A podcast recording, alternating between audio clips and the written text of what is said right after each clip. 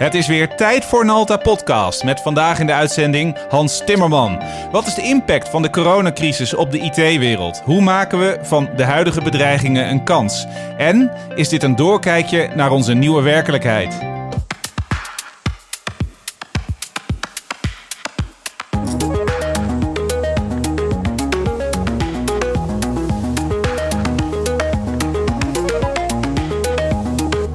Dit is Nalta Podcast, aflevering 34, opgenomen op donderdag 9 april 2020. Human Transformation. Nalta Podcast wordt je aangeboden door Nalta.com, uw partner voor het bouwen van platformen voor IT en digitale transformatie en softwareontwikkeling. Het is tijd voor Nalta Podcast, waar we ingaan op ontwikkelingen in ons innovatieve vakgebied van IT. Vandaag spreek ik met Hans Timmerman, director, blogger, trendwatcher en futurist. Maar eigenlijk hoef ik je niet meer voor te stellen. Welkom Hans. Dankjewel. Nou ja. mag het, Mike. Ja, je, kan, je kan. Ik wacht op jouw vingertje. Wat fijn uh, dat je wil aanhaken vandaag in de Nalta podcast. Het is een bijzondere tijd. En weet je hoe bijzonder het is? Het is vandaag de dag van de IoT. De IoT. Internet of Things. Ja, die zag je niet aankomen? Nou, ik dacht meer aan het Internet of People, dat we het daarover gingen. Die nou, zag jij niet aankomen. Nee, we gaan het hebben over human transformation. Ja. Um, en, uh, maar ik werd er gisteren op gewezen door een collega dat het vandaag de dag uh, van de IoT is. En dat is toch eigenlijk best wel speciaal. Um, dat dat dan wel gewoon doorgaat. Gelukkig wel. Wat is Al er, heel lang. Wat, wat is er allemaal aan de hand, Hans? Heb jij dit ooit wel eens meegemaakt? Nee, nee. En stel je nou eens voor dat wij 20 jaar geleden, in 2000, dit hadden meegemaakt.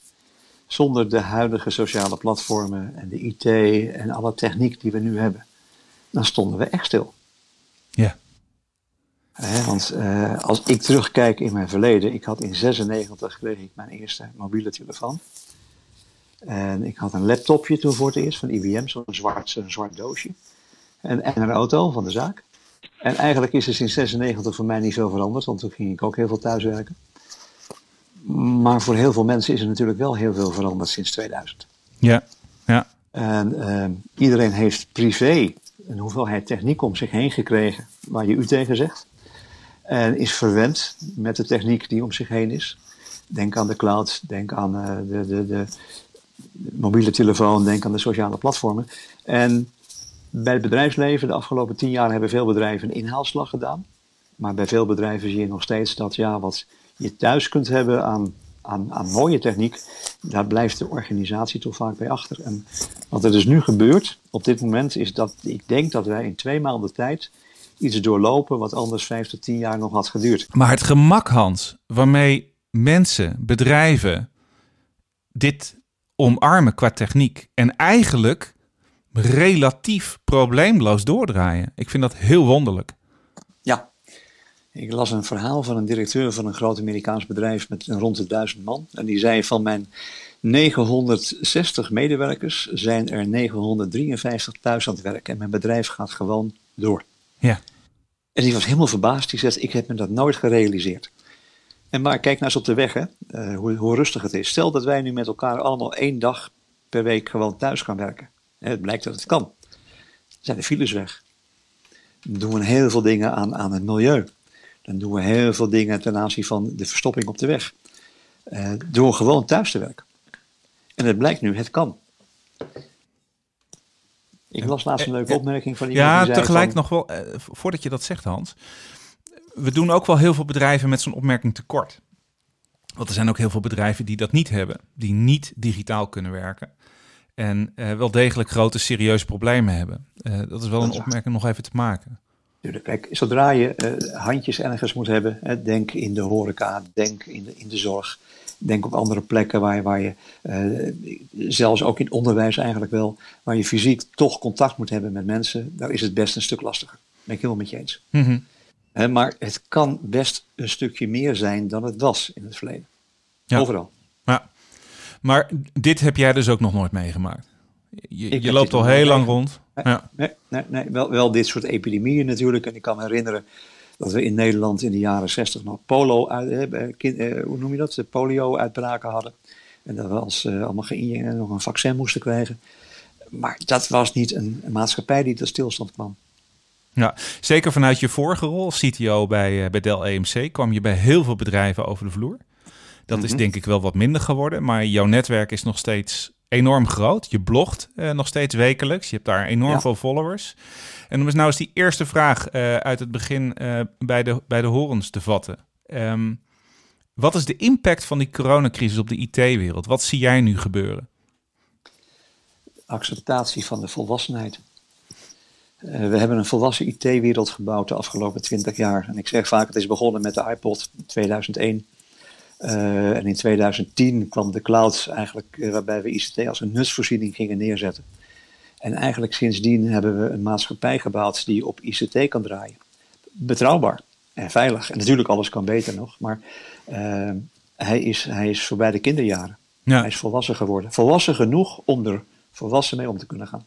Maar denk je dat alle bedrijven in die IT-wereld dit ook gaan overleven? ik zie namelijk wel een verschil tussen bedrijven die op services draaien. Hè? Dus het mm manuren. Ehm, of bedrijven die het moeten hebben van eh, het verschil tussen inkoop en verkoop. Op verkoop van hardware en software. En alles wat daartussen zit. En bedrijven die platformen hebben gebouwd die op abonnementsbasis werken. Um, dat is, die zijn natuurlijk, die businessmodellen zijn zo anders dat de impact mhm. anders zal zijn, denk ik. Impact zal anders zijn, maar daarnaast geloof ik altijd in het en-en in plaats van of-of. Wij als mens denken vaak, uh, er gebeurt iets en nu gaat alles anders worden. Terwijl als je terugkijkt in de geschiedenis, is het vaak een en-en. Het oude blijft en het nieuwe komt erbij. Mhm. En daarna komt er nog iets nieuws bij. Dan wordt het en-en-en. En dat hebben we de afgelopen 50, 60 jaar in de ICT gewoon steeds gezien. Hè? Het oude mainframe, de gedachte erachter, is niet weg. De client-server gedachte is niet weg de cloud is niet weg. En hoe we nou naar edge computing gaan, dat komt er gewoon bij. Mhm. En die mix, die, ja, dat is steeds een uitdaging dat je een betere mix kunt maken. Met de nieuwe uitdagingen die er zijn. met het Internet of Things. En je noemde het net dat Internet of People. En je weet waar het vandaan komt natuurlijk. van Andrew Keen. met zijn How to Fix the Future. En we hebben het er eerder over gehad. Dat dit gewoon nu mogelijk is, Mike. Ja. Met een mooie middag. Nou ja, goed. Er zijn natuurlijk heel veel. Ja, we hebben er een hele mooie middag aan besteed. Um, maar wat opvalt is dat um, best wel veel beslissingen ook vooruit worden geschoven. Um, denk nou eens bijvoorbeeld aan moet ik wel of niet naar de cloud?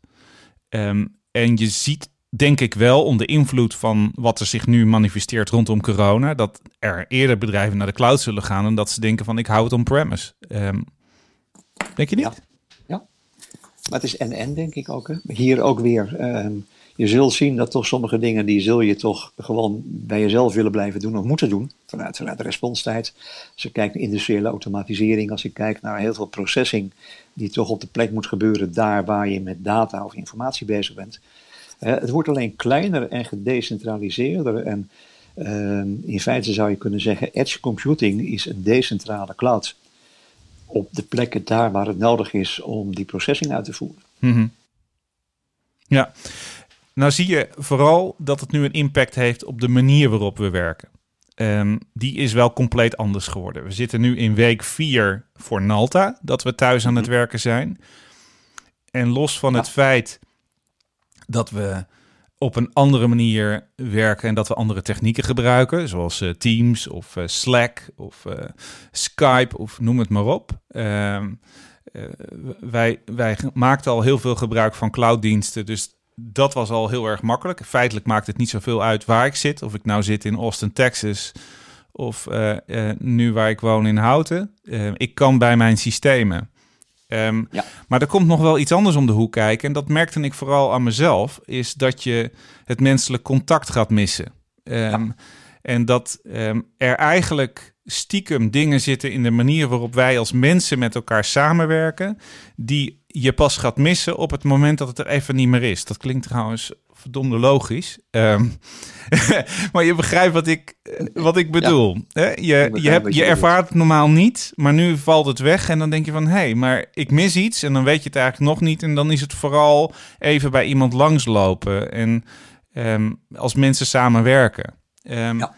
En ik zie dat ook wel gelijk als een soort van bedreiging. Dat als je daar niet alternatieven voor gaat verzinnen, dat mensen het daar best wel heel lastig mee gaan krijgen. Dus we hebben het over de economische gevolgen van zo'n crisis. Um, en van de de, de, maar de, de, de, de sociale gevolgen van zo'n crisis, die zijn er natuurlijk ook. Je moet contacten organiseren. Ik kan me herinneren dat uh, ik een tijdje heb gewerkt bij, bij VR. Dat was de oude IT-club van Fokker die een doorstart had gemaakt. En wij konden al die jongens uit de oude IT-wereld van Fokker, een man of drie, vierhonderd, die konden we eigenlijk al heel snel overal plaatsen, maar ook in het buitenland. Hè. Denk aan British Aerospace, denk aan uh, Duitsland, denk aan Frankrijk. En die jongens die gingen maandagmorgen met vliegtuigen, die kwamen vrijdagavond terug. Die, hadden daar een, uh, die werkten daar.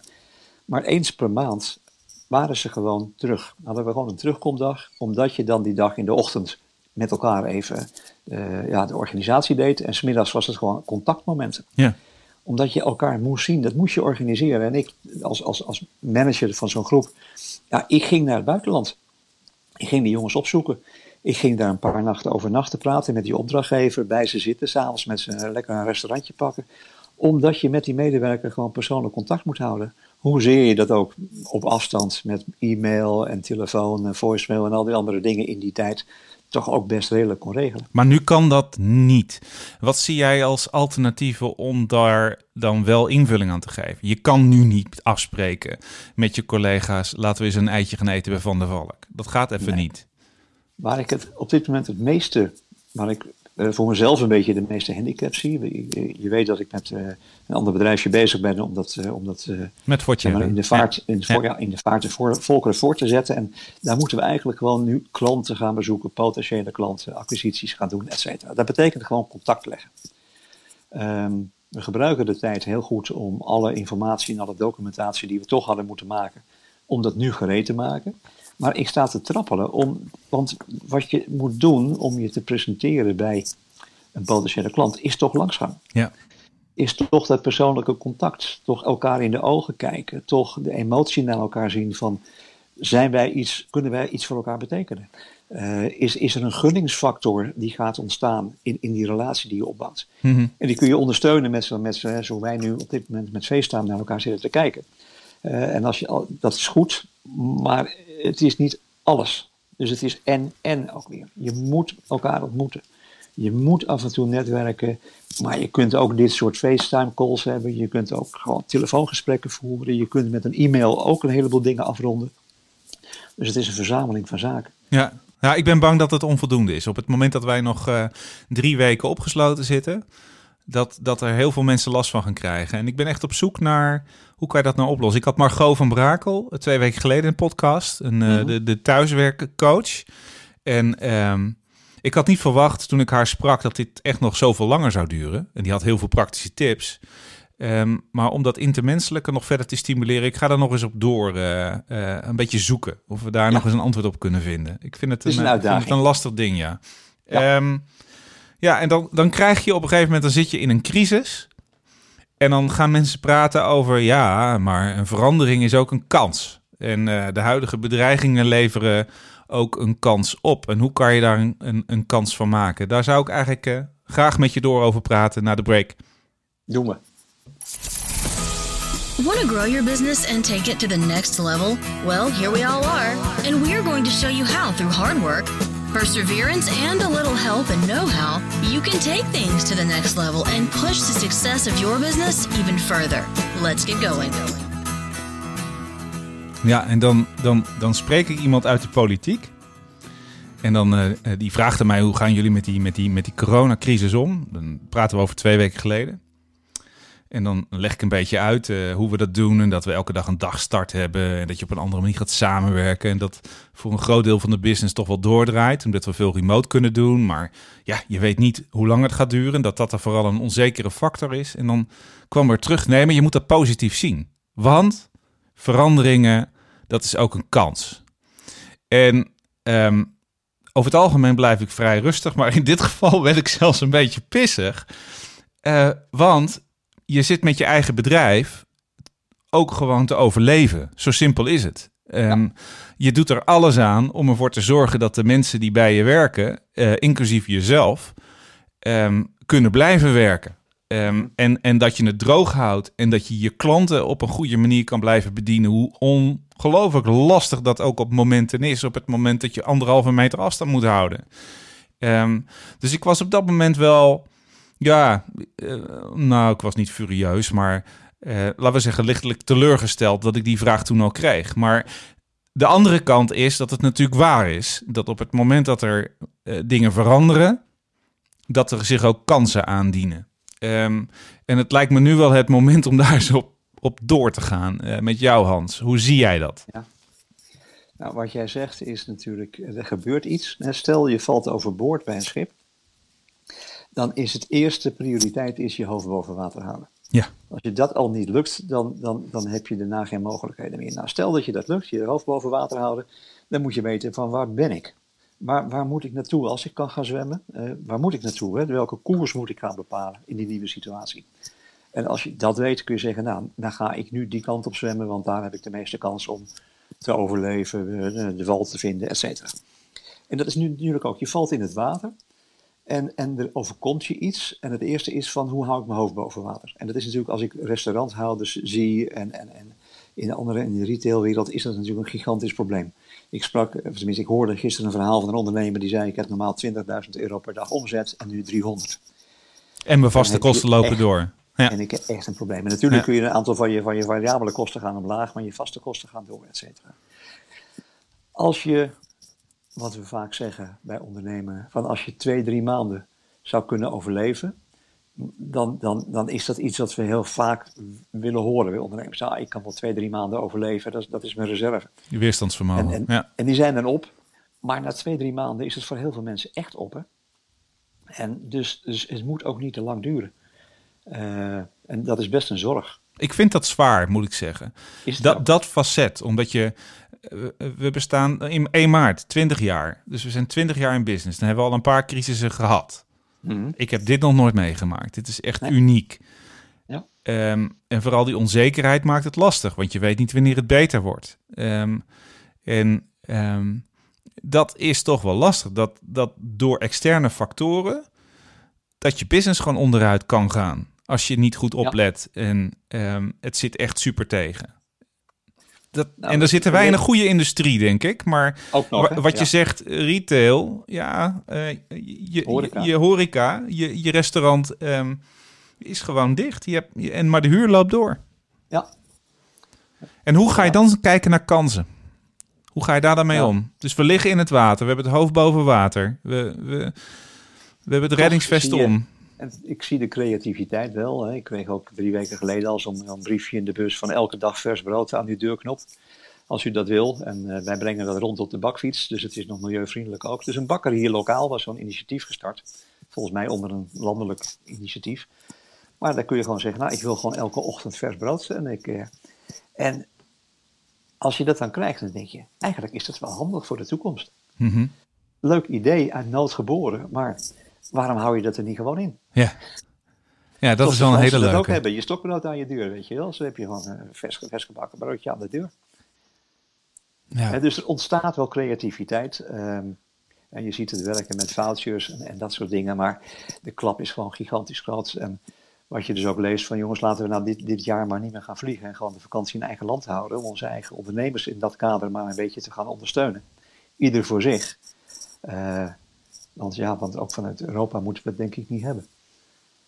Nee.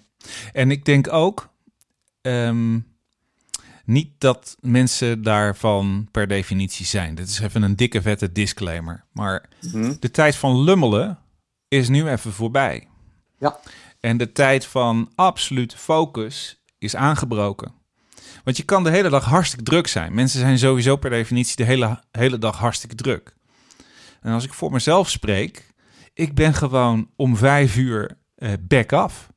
Op. Ja. Ehm, en dat is omdat ik 's morgens vroeg begin met een dagstart. En daarvoor heb ik, ben ik een beetje eh, heel fanatiek aan sporten gaan doen. Want ik denk, lichaam eh, moet ook een beetje actief blijven. Hè? Als je op kantoor bent, loop je meer, je rijdt meer, je bent meer onderweg. Nu zit je toch, zit ik veel op mijn werkkamer.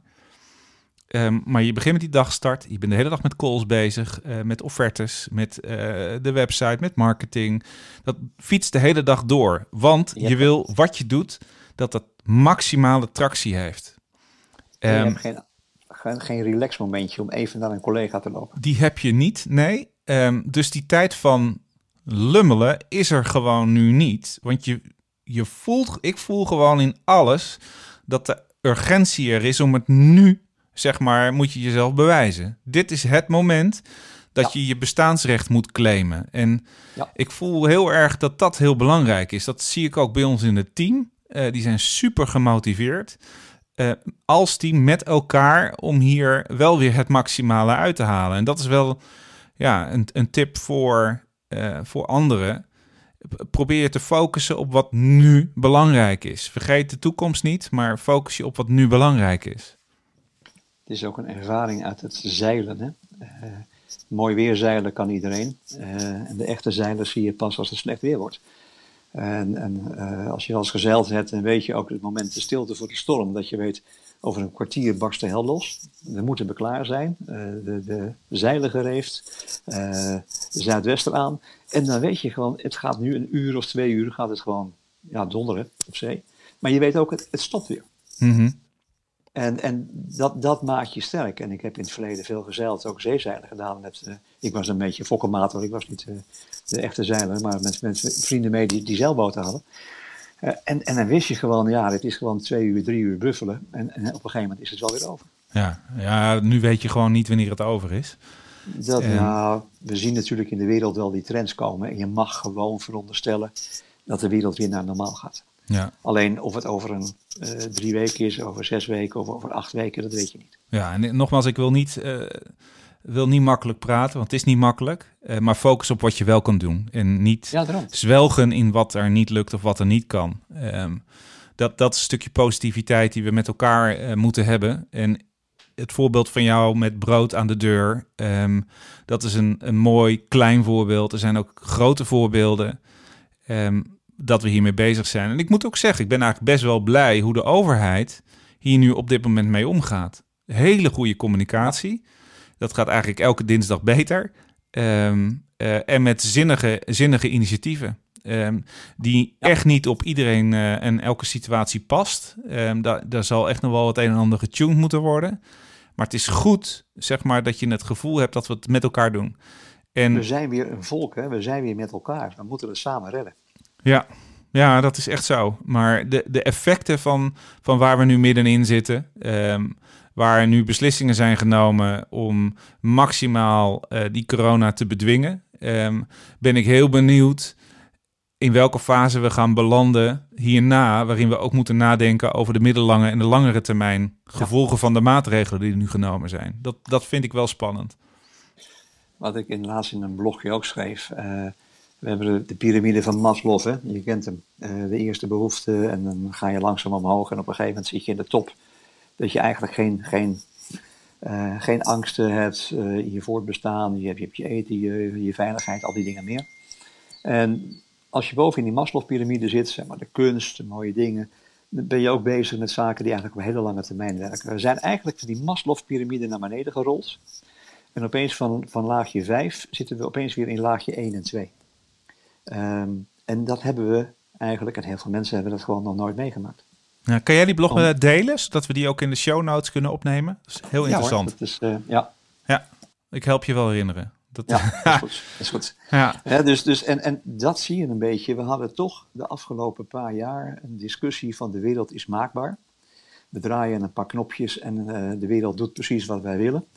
En ik weet niet of jij het berichtje van de NASA hebt gelezen. Volgens mij komt die dag nog, 14 april, scheert er een enorme grote meteoriet langs de aarde. ja. En dat is dan scheren op een afstand waarvan je denkt, ja, dat is heel ver weg, maar astrologisch is het heel dichtbij. En als je dus dan hoort wat die NASA-deskundigen zeggen van wat de impact kan zijn als die meteoriet ook maar een, een miljoenste graad meer naar links was gegaan, ja, dan was gewoon een stuk van Amerika of een stuk van Azië of een stuk van Europa verdwenen. Mhm. Dan denk je, hoe kwetsbaar zijn wij eigenlijk? Eh, zo'n minuscuul virusje als, als een coronavirus of zo'n gigantisch brok meteoriet, dat, dat, dat, dat komt op ons af. En ja, die dood eh, voor een deel de mensheid, eh, of van boven of van buiten. Of vanuit gewoon de natuurlijke virusaanpak van ik maak je ziek. Dus die kwetsbaarheid die bij een hele groep mensen er niet meer was, dat gevoel is nu heftig weer aangekomen, denk ik. Ik hoor het van, van, van twintigers, die zeggen, ja maar, dit kan toch niet? Ja, toch wel. Ja, Ja. dat is, is, is een, eh, is een, is een eh, ja, ja, maar dat moet ik ook zeggen. Ja, eh, het is zo snel gegaan. In januari, ik was op de 6, gewoon de eerste week van januari. ja, En toen was er ja, nog niet heel veel aan de hand. Ja, in Nee. China ergens. Ehm, Ja. En nu zitten we er hier eh, middenin. En het is Ja. echt een groot menselijk leed. Dat, eh, en, te- en, menselijk en, leed, en ja. tegelijkertijd zijn er allerlei initiatieven die me toch wel weer, daar moet ik om, om lachen of vind ik mooi. Eh, we hebben natuurlijk zelf onze bijdrage gedaan afgelopen vrijdag met de Nationale Vrij, Vrij Mibo.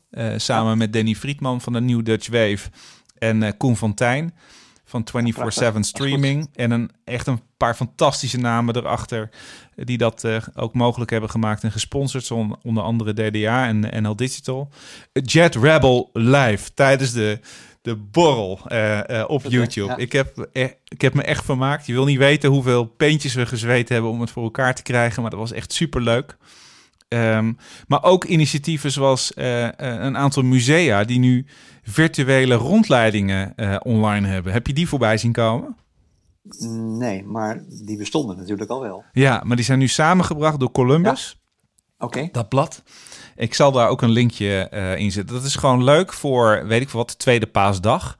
Ja. Eh, dat je niet naar het museum kan, eh, maar Nee. virtueel nog steeds wel kunt doen. Ehm, ja, ja, ja. ja, ik, ik vind dat heel erg leuk en charmant. ehm, ehm, dat je toch dat soort initiatieven ziet.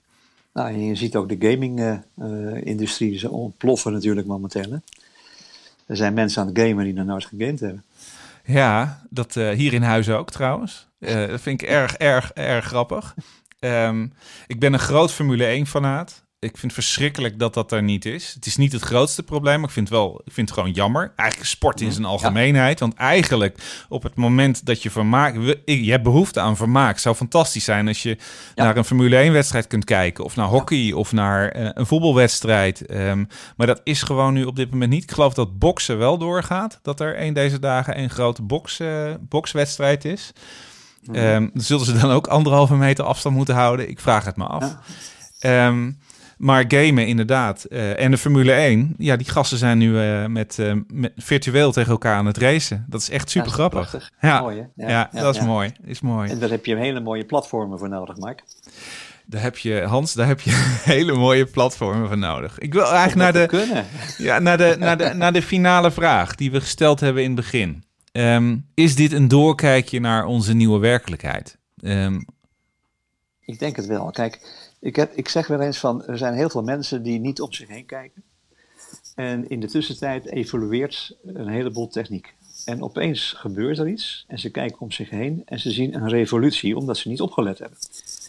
Maar het is geen revolutie wat er nu gebeurt. Hè? Die techniek, dat weet jij, dat weet ik, dat weten heel veel anderen. Die techniek heeft zich gewoon de afgelopen twintig jaar in hele kleine stapjes ontwikkeld tot wat die nu is. Maar voor sommige mensen komt dit als, dit kan. Ik zie het bij mijn vrouw in de gemeenteraad. We kunnen digitaal vergaderen. Goh, hoe doen we dat dan? Nou, kunnen we dan ook digitaal gaan stemmen? Ja, dat kan ook. Oh, maar dat is interessant. En opeens zie je dat iets wat er al was, hè, want we konden al digitaal stemmen, we konden digitaal vergaderen, dat voor deze politieke wereld, ja, er gaat iets open wat ze niet bestond. ja. En nu zit ze gewoon aan de tafeltje achter de iBabs eh, met de iPadje zit ze met, eh, met het, eh, een, collegevergadering. Nou, volgens mij krijg je de hele tijd berichtjes binnen van je vrouw. eh. Nou, ik weet niet wat er gebeurt, maar dat kan mijn dochter zijn. Dus, ja, Nog veel het leuker. whatsappen en zo. Dat- Ja, ja, ja, ja. Dat is wel leuk, inderdaad. Je, je ziet je ouders nog eens een keer. Dat, ja. Hey Hans, ik, ik wil je enorm bedanken voor, de, voor je Ja. bijdrage aan de podcast. Ik, Dank ik had me hier stiekem echt op verheugd. Ik vind het altijd super leuk om even met je erbij te praten. Ehm, en ja, je komt vast Ja, eh, we nog gaan wel een keer voor. mooie dingen doen, hè? Ja, we gaan, mo- mooie dingen doen. we gaan mooie dingen doen en je komt vast nog wel een keer voorbij eh, de komende tijd. Dankjewel. Zeker weten. Bedankt voor het luisteren naar de podcast. En vergeet niet te abonneren op onze podcastkanalen bij SoundCloud en Apple Podcasts. En je te abonneren op ons YouTube- YouTube-kanaal voor Nalta Explores and Explains video's. En we sluiten vandaag af met mijn eigen muziekkeuze. Een nummer van, een nummer van Rival Consoles, Helios. Bedankt voor het luisteren en tot de volgende podcast. Stay healthy, stay safe.